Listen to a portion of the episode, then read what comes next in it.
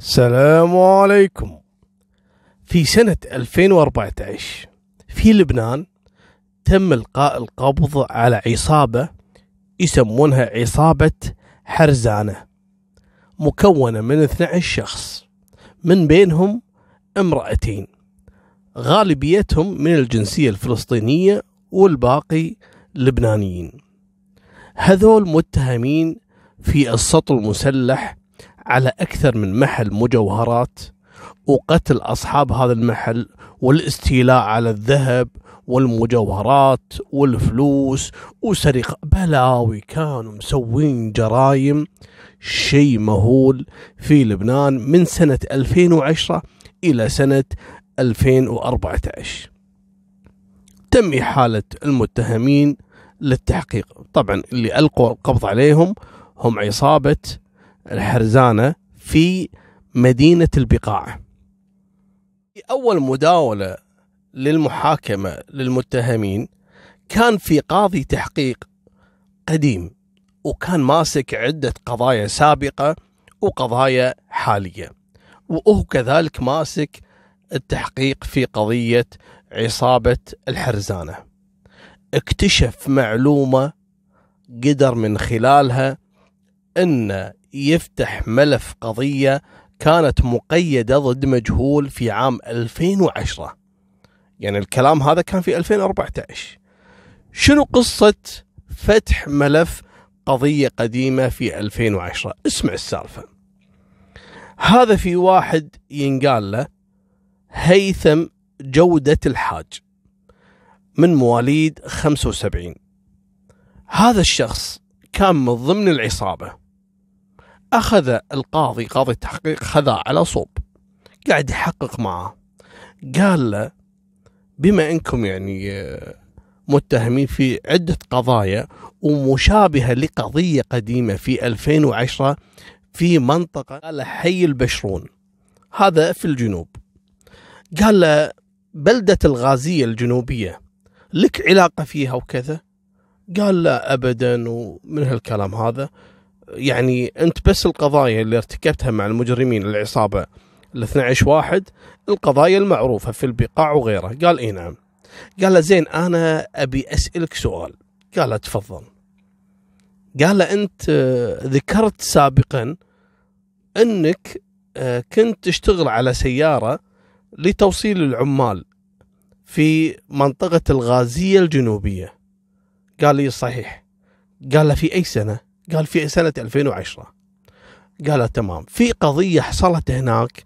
في 2010 كذلك توفت فيها سيدة ينقال لها وفيقة علي إبراهيم غدار. هذه صاحبة محل مجوهرات. تم قتلها عن طريق شخص من أربع سنوات إحنا ما اكتشفنا منو هذا المجرم. لكن أنت الوحيد من دون هالعصابة اللي تم ضبطهم لك علاقة في منطقة الغازية الجنوبية. هل تعرف هذه السيدة؟ قال لا. قالوا له ما في مشكلة. نبي ناخذ بصماتك. وبالفعل بعد ما أخذوا منا عينة من الفحص وطابقوها في عينات مسرح الجريمة اللي حصل في محل المجوهرات في 2010 وكانت المصادفة أن العينة اللي أخذوها كانت مطابقة جدا للمتهم هيثم جودة الحاج. هني عرفوا أن هالجريمة هذه اللي قعدوا أربع سنوات وما عرفوا من القاتل كان من ضمن العصابة اللي تم ضبطهم في 2010 شنو قصة الحادثة هذه؟ هذه سيدة اسمها وفيقة غدار صاحبة محل مجوهرات. في بلدة الغازية الجنوبية في حي بشرون. هالسيدة هذه في يوم وليلة اختفت محلها مسكر محل المجوهرات وما في أحد يعرف وين راحت. أول يوم ثاني يوم ثالث يوم تفاجأوا المرة اللي في السوق أن في رائحة كريهة تنبعث من محل المجوهرات اللي ينقال محل ملاك للمجوهرات. وهذا اللي صاحبته رفيق. لما اقترب أحد أصحاب المحلات المجاورة من المحل عشان يبي يشوف هالرائحة من وين قاعد تطلع اكتشف إن في دماء قاعدة تطلع من تحت الأبواب من تحت باب المحل للمجوهرات. على طول بلغ رجال الأمن ولما حضروا وفتحوا الباب ولا هذه جثة السيدة رفيقة متوفية وكانت منحورة في آلة حادة. طبعا لما أخذوا البصمات ورفعوا الجثة ما عرفوا منو صاحب البصمة الثانية اللي هو المتهم وتبين كذلك أن تم سرقه جميع المجوهرات اللي داخل المحل. لكن للأسف ما قدروا يتوصلون حق المتهم الحقيقي وراء مقتل السيدة رفيقة. وبالمصادفة بعد إلقاء القبض على العصابة بعد أربع سنوات تبين إن واحد فيهم اللي هو هيثم هذا هو المتهم. راحوا مسكوا هيثم. تعال يا حبيبي إحنا ندور عليك. صرنا شي أربع سنين وإحنا بندور عليك يا حبيبي. شو احكي لنا حبيبي؟ شو القصة؟ كيف قتلت الرفيقة قال والله أنا ما بعرف شو بدي لكم وكذا.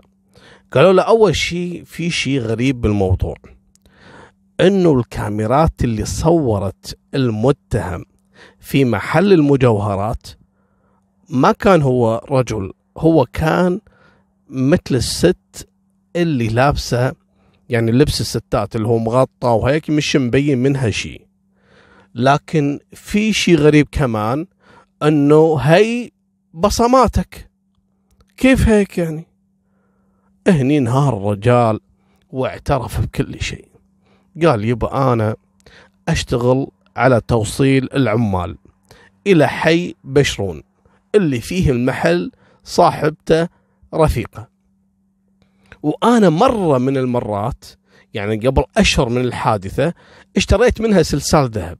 فكنت عارف المحل وعارف إن صاحبة المحل دائما تكون يعني بروحها في المحل وعمرها 57 سنة اللي هي رفيقة. ففكرت إني لأني أنا كنت في ضائقة مالية وكنت محتاج سيارة أشتغل عليها عشان أوصل العمال فطرى في بالي إني أسرق المحل هذا. وكنت عارف إنه ما في أحد يجي دائما لأني مريت سابقا مثل ما قلت لك. بس السيدة هذه. فهذا أنسب مكان إني ممكن أحصل على الأموال بما إن هذا المحل محل مجوهرات. وبالفعل يقول خططت للموضوع. رحت واتفقت مع زوجتي. قال له حلو. شلون اتفقت يا زوجتي؟ قال آه طلبت منها إنها تشتري لي ملابس آه النساء اللي هي العباية والغطا وهيك. بالإضافة إنها خليتها تحط لي مكياج. علشان لما أدخل المحل ما بتشوف يعني عيوني عيون رجل والغطاء وهيك لبس النساء يعني. فبالفعل زوجتي ساعدتني وحطت لي مكياج وأنا لبست لبس النساء الكامل هذا الغطاء مح محش يعني محشم هي. ورحت دخلت على المحل وحكيتها بصوت النسوان. قلت لها بليز فيني شوف استغفر الله. ففيني أشوف هي السلسال آه، وهي الأساور الحلوة هي يقول وأنا قاعد المسكينة تعطيني وأنا قاعد أراقب. لما شفت إن المحل ما في أحد أصلا غيري على طول سكرت الباب وطلعت لها المسدس وهددتها في القتل. قلت لها طلعي لي كل الذهب اللي عندك. وقال أنا عندي سكين. لكن مسدس عشان أخوفها. لكن لما شفتها قاعدة تقاومني ومو راضية تعطيني الذهب وكذا خفت أطلق عليها النار الناس تسمعني والجيران والمحلات اللي جنبي فطلعت السكين وعلى طول نحرتها وسدت لها أكثر من طعنة علشان أتأكد إنها ماتت. وكان اتفاق إن زوجتي في السيارة مع ابني الصغير وتراقب المحل إذا في أحد جاء ولا شيء أو اكتشف الموضوع. تأشر لي. وبالفعل يقول أنا كل شوية طالع من الشباك زوجتي تطالعني وكان الوضع أوكي وخذيت كل الذهب والمصوغات اللي موجودة والمجوهرات واللي قدرت آخذه. وعلى طول هربت بعد ما سكرت وراي المحل وركبت السيارة وهربنا أنا وزوجتي وابني. راح بعد فترة وصرف الذهب على أكثر من منطقة علشان آه، كانت في بلاغات عن مجوهرات مسروقة فيقول عشان ما انكشف قمت وزعت الذهب قطعة قطعة وزعتها على أكثر من منطقة وقدرت أحصل من هالمبالغ هذه لأني بعت الذهب بأرخص من سعره قدرت أطلع منه ثلاثين ألف دولار. من هالفلوس هذه اشتريت فان اللي هي السيارة الكبيرة علشان أقدر أستخدمها في نقل العمال وأشتغل عليها. لكن المصادفة الغريبة ودائما مال الحرام ما يدوم يقول حصل لي موقف خلاني أضرب على رأسي. قالوا له شنو؟ قال بعد ما قمت بالسرقة والجريمة القتل عشان أحصل فلوس وأشتري سيارة قررت أني أبيعها. فبعتها فعلا على شركة وعطوني check لما رحت أصرف ال check طلع ال check هذا بدون رصيد ولما رجعت طلعوا هذول الشركة نصابين وقالوا له روح أخذوا السيارة منه طبعا وقالوا له روح اشتكي وما إحنا معطينك فلوسك. فيقول رجعت من أول وجديد صفر اليدين وراحت سيارتي اللي أنا أصلا اشتريتها بمال الجريمة اللي أنا ارتكبتها. فاضطريت إني أدخل مع العصابة اللي تم إلقاء القبض عليهم في السرقات والقتل والنهب. وهذا وضعي الآن وانكشف كل شيء وتم استدعاء زوجة هيثم واعترفت كذلك بأنها ساعدت زوجها تحت الضغط والتهديد وتم إحالتهم جميعهم للمحاكمة. وانسجن هذا هيثم بتهمة القتل اللي هي رفيقة وكذلك اشتراك في قتل أكثر من شخص مع العصابة. وتم الحكم عليه في المؤبد. هذه نهاية سالفتنا وفي أمان الله مع السلامة.